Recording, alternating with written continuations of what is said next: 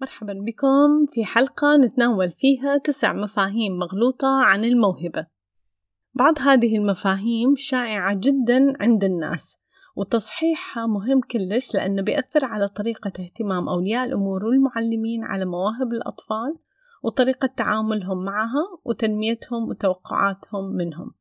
أول هذه المفاهيم المغلوطة هو أن الموهبة للشخص الذي وهبت له والحقيقة أن الموهبة وهبت للشخص عشان يستطيع من خلالها أنه يقدم للآخرين فهي ليست له عشان يتفاخر بها بل لآخر يحتاجها وبشدة وهي ليست له عشان يختار أنه يطمرها أو يمكن يخجل منها أو يهملها بل أعطي هذه الموهبة لأن هناك في هذا العالم من هو بحاجة لها فعشان كذي عطائنا من خلال هذه الموهبة نستطيع أن نساعد هذا الشخص اللي ينتظرها. فمهم أن نتذكر وخاصة لما نشعر بالفتور أو يتوارد إلى أذهاننا سؤال وما الفائدة إن هناك أشخاص ينتظروننا في هذا العالم إن نطور موهبتنا ونعطي ونقدم من خلالها. المفهوم المغلوط الثاني هو أن بعض الأطفال فقط لديهم مواهب وهذا مفهوم غير صحيح أيضا. لأن كل طفل عنده موهبة أو أكثر ولا يوجد من لا يمتلك موهبة. ولكن نوعيتها تختلف من طفل لآخر. فالموهبة هي هبة من الله سبحانه وتعالى لكل إنسان فلا يخلو طفل من موهبة. ومثل ما يقول دكتور جيرالد هيذر أستاذ علم الأعصاب والمهتم بالموهبة إن كل طفل لديه دماغ مميز ومصمم بشكل مثالي ليناسب جسده ونماءه وتطوره المستقبلي. لذا فكل طفل وبطريقته الخاصة موهوب بدرجة كبيرة ويبدأ حياته بثروة من الإمكانيات. أما المفهوم الثالث الخاطئ فإن الموهبة منحة تسهل علينا وما تتطلب جهد ولا عمل وهذه أيضا ليست فقط خاطئة وإنما تأثر بدرجة كبيرة على تعاملنا مع مواهبنا ومواهب الأطفال. فيمكن فعلا الموهبة تخلي العمل أيسر على هذا الطفل من أقرانه. لكنها لا يعني لكن هذا لا يعني أبدا إنها ما تتطلب جهد وتدريب. كل شيء عشان يتطور يحتاج إلى بذل الجهد وممارسة متواصلة وعمل دؤوب. بطبيعة الحال امتلاك الموهبة بيخلي منحنى التعلم أسرع لكنه ما يلغي. مثلا آه، بيكاسو هو فنان جدا شهير قضى أكثر من 75 عام من حياته في تطورات مذهلة في مساره الفني. أما لوحة موناليزا مثلا اللي رسمها دافنشي استغرقت منه أكثر من أربع سنوات. مثال ثالث الكاتبة جودي بلوم. هي مؤلفة العديد من كتب الأطفال الأكثر مبيعا وعندها خبرة أكثر من خمسين سنة في الكتابة. فتقول المسودة الأولى للكتاب هي بمثابة التعذيب بالنسبة لي فأكره كل ثانية منها. ولكنني ما أن أنتهي من المسودة الأولى فإنني أستمتع بالمراجعة وإعادة تشكيل القصة. المفهوم الرابع الخاطئ هو أن الموهبة تجعل الإنسان مشهور، وللأسف فعلا ارتبط ارتبطت الموهبة في أذهان الكثيرين بالشهرة، لأنه يمكن هذه الفئة اللي إحنا نعرف عنها.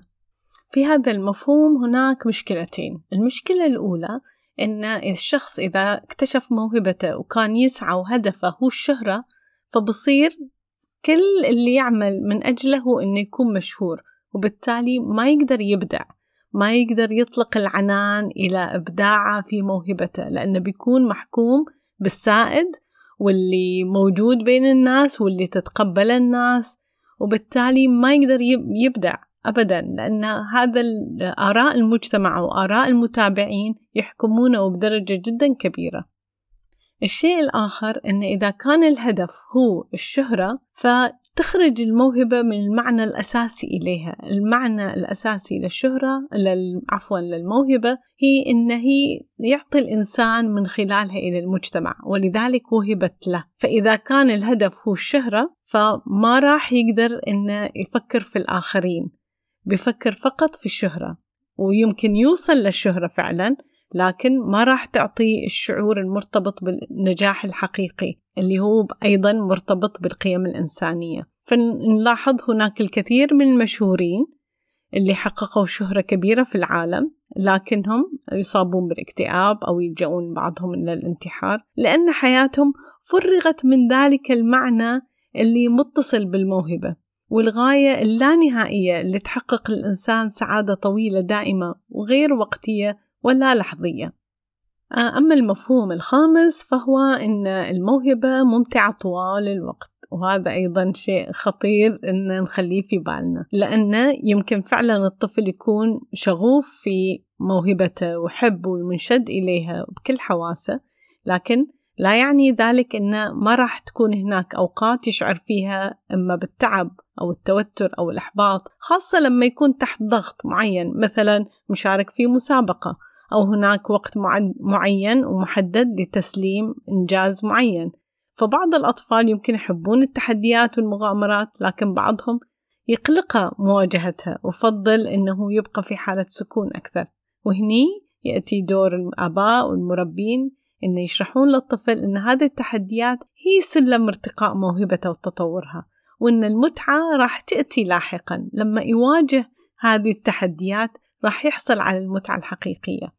هناك أيضا آه، في تحدي آخر في هذه النقطة وهي أن تقنيات العصر الحديث والألعاب الإلكترونية شوهت مفهوم المتعة عند الأطفال. فالطفل اللي يدمن مشاهدة التلفزيون أو الألعاب الإلكترونية ويستشعر متعتها القصوى يصير صعب عليه إنه يرجع يصير شغوف بأشياء مثل الرسم. أو اللعب بالطين أو مطاردة الحشرات. فمفهوم المتعة تغير وتشوه عنده لأنه راح إلى أقصى شيء لما آه، بدأ يحقق آه، علامات أو درجات كبيرة في الألعاب الإلكترونية. فنحتاج أن نساعدهم أن يرجعون إلى المتعة الحقيقية اللي تأتي من الإنجاز واللي يكون فيها الشخص آه، فرحان بإنجازه ولما يقرأ فخر العائلة به أيضا. وأما تحقيق أرقام قياسية في اللعبة الإلكترونية فهو وهم. نحتاج أن نكشف زيفة إلى أطفالنا قبل فوات الأوان. أما المفهوم السادس المغلوط هو أن إذا لم تكتشف الموهبة في سن الطفولة فهذا يعني أن لا موهبة لدى هذا الشخص. وهذا أيضا خطأ. يمكن الكثير من المواهب يمكن اكتشافها في سن الطفولة وهذا يحدث لما نراقب الطفل نعطيه مجالات كثيرة لتجربتها. لكن يمكن الإنسان في بعض المجالات ما جربها إلا في سن متقدمة فيكتشف أنه عنده موهبة في هذا المجال في وقت متأخر. فعدم وجود أو عدم اكتشاف الموهبة في سن الطفولة لا يعني عدم وجودها.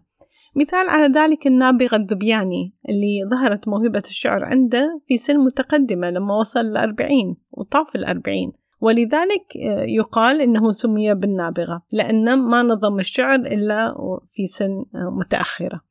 وبالطبع طبعا كل ما اكتشف الإنسان موهبته في سن مبكرة كل ما استطاع أنه يشحذها. لكن لا يعني ذلك عدم وجودها لو اكتشفها في سن متقدمة. أما المفهوم المغلوط التالي السابع هو أن الموهبة واضحة ومحددة عند كل طفل أو شخص بالغ. ويمكن فعلا البعض مواهبهم واضحة جدا لأنها من المواهب المتعارف عليها لكن كثير من المواهب تبقى مغمورة وغير مكتشفة لأن صاحبها يعتقد أنه ما عنده شيء يميزه. لذلك مهم الإيمان بأن كل طفل لديه موهبة. فهذا اللي راح يخليه يسعى أنه يكتشفها. فالموهبة في حياة كل إنسان تكون مثل البذرة كامنة في أعماقه وعليه أنه يعمل لاكتشافها وينميها مثل ما ذكرنا في حلقة سابقة. من ناحية أخرى يمكن الشخص يكون فعلا اكتشف موهبته لكن موهبته حقيقة اكتشف جزء منها لأن الموهبة غالبا ما يكون حجمها أكبر بكثير وماهيتها أكبر بكثير من تصور الإنسان المحدود.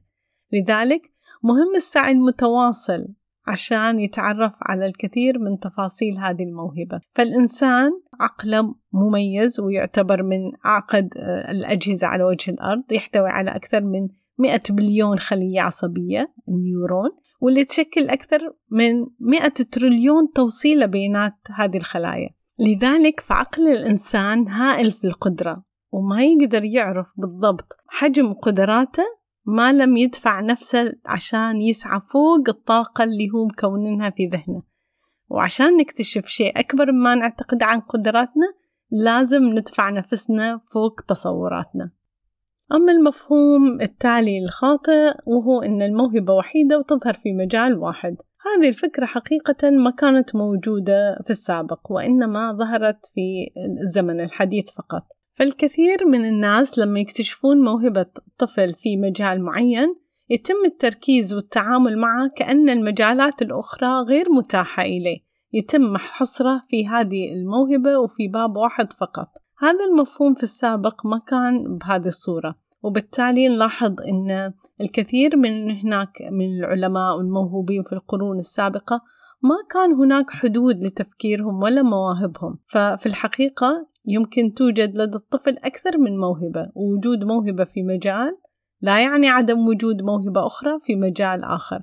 فالإنسان يبقى يكتشف مواهبه مع الأمور الجديدة اللي يختبرها والمسؤوليات اللي يتحملها. واحدة من هذه الأمثلة هي العلماء العرب في القرون السابقة. فالحسن بن الهيثم مثلا اشتهر بإنجازاته في مجالي الطبيعة والحساب لكن ألف أيضا في الهندسة والجبر والفلسفة والمنطق والفلك والطب واللغة والأخلاق والإلهيات في مجموعة ما يزيد عن 200 مصنف. أما البيروني فيقول عن المستشرق الألماني سخا أن من أعظم العقول اللي ظهرت في العالم أصلا وإنه من أعظم العلماء في كل العصور. نلاحظ البيروني برع في الرياضيات والفلك والجغرافيا وعلم الإنسان والمعادن ودرس وألف في الطب والآداب والتاريخ والهندسة والصيدلة. ما كان وجود آه، موهبة عنده في مجال يخليه ما يلاحظ الجوانب الأخرى وهو اللي إحنا نقوم به حاليا. لذلك مهم إن إذا لاحظنا وجود موهبة بارزة في الطفل في مجال معين ننتبه إن هي قد تكون مرتبطة بشبكة عقلية وحسية متنوعة من المواهب المختلفة الأخرى. كل ما علينا هو إن إحنا نفسح المجال إلى الأطفال إن يبدعون ويكتشفون مسارات جديدة في دواخلهم. وصلنا إلى المفهوم المغلوط الأخير وهو أن بعض المواهب فقط هي اللي مهمة.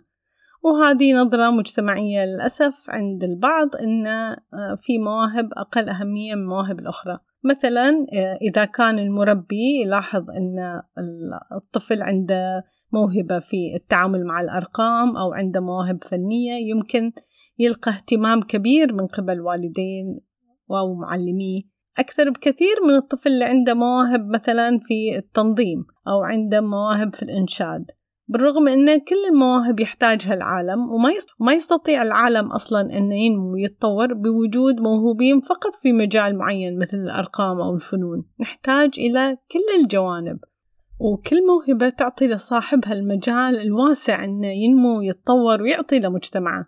وفي نواحي مختلفة عن غيره وهو اللي هذا يحتاج العالم هذا التنوع. ونذكر بالمفهوم الأول إن الموهبة حقيقة أعطيت لنا عشان نعطي من خلالها إلى الآخرين لأن هناك شخص آخر يحتاجها وبشدة.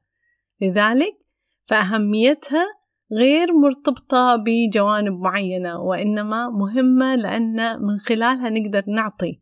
وإن أهميتها مرتبطة بقدرتنا على العطاء للآخرين وليس بنوعية الموهبة.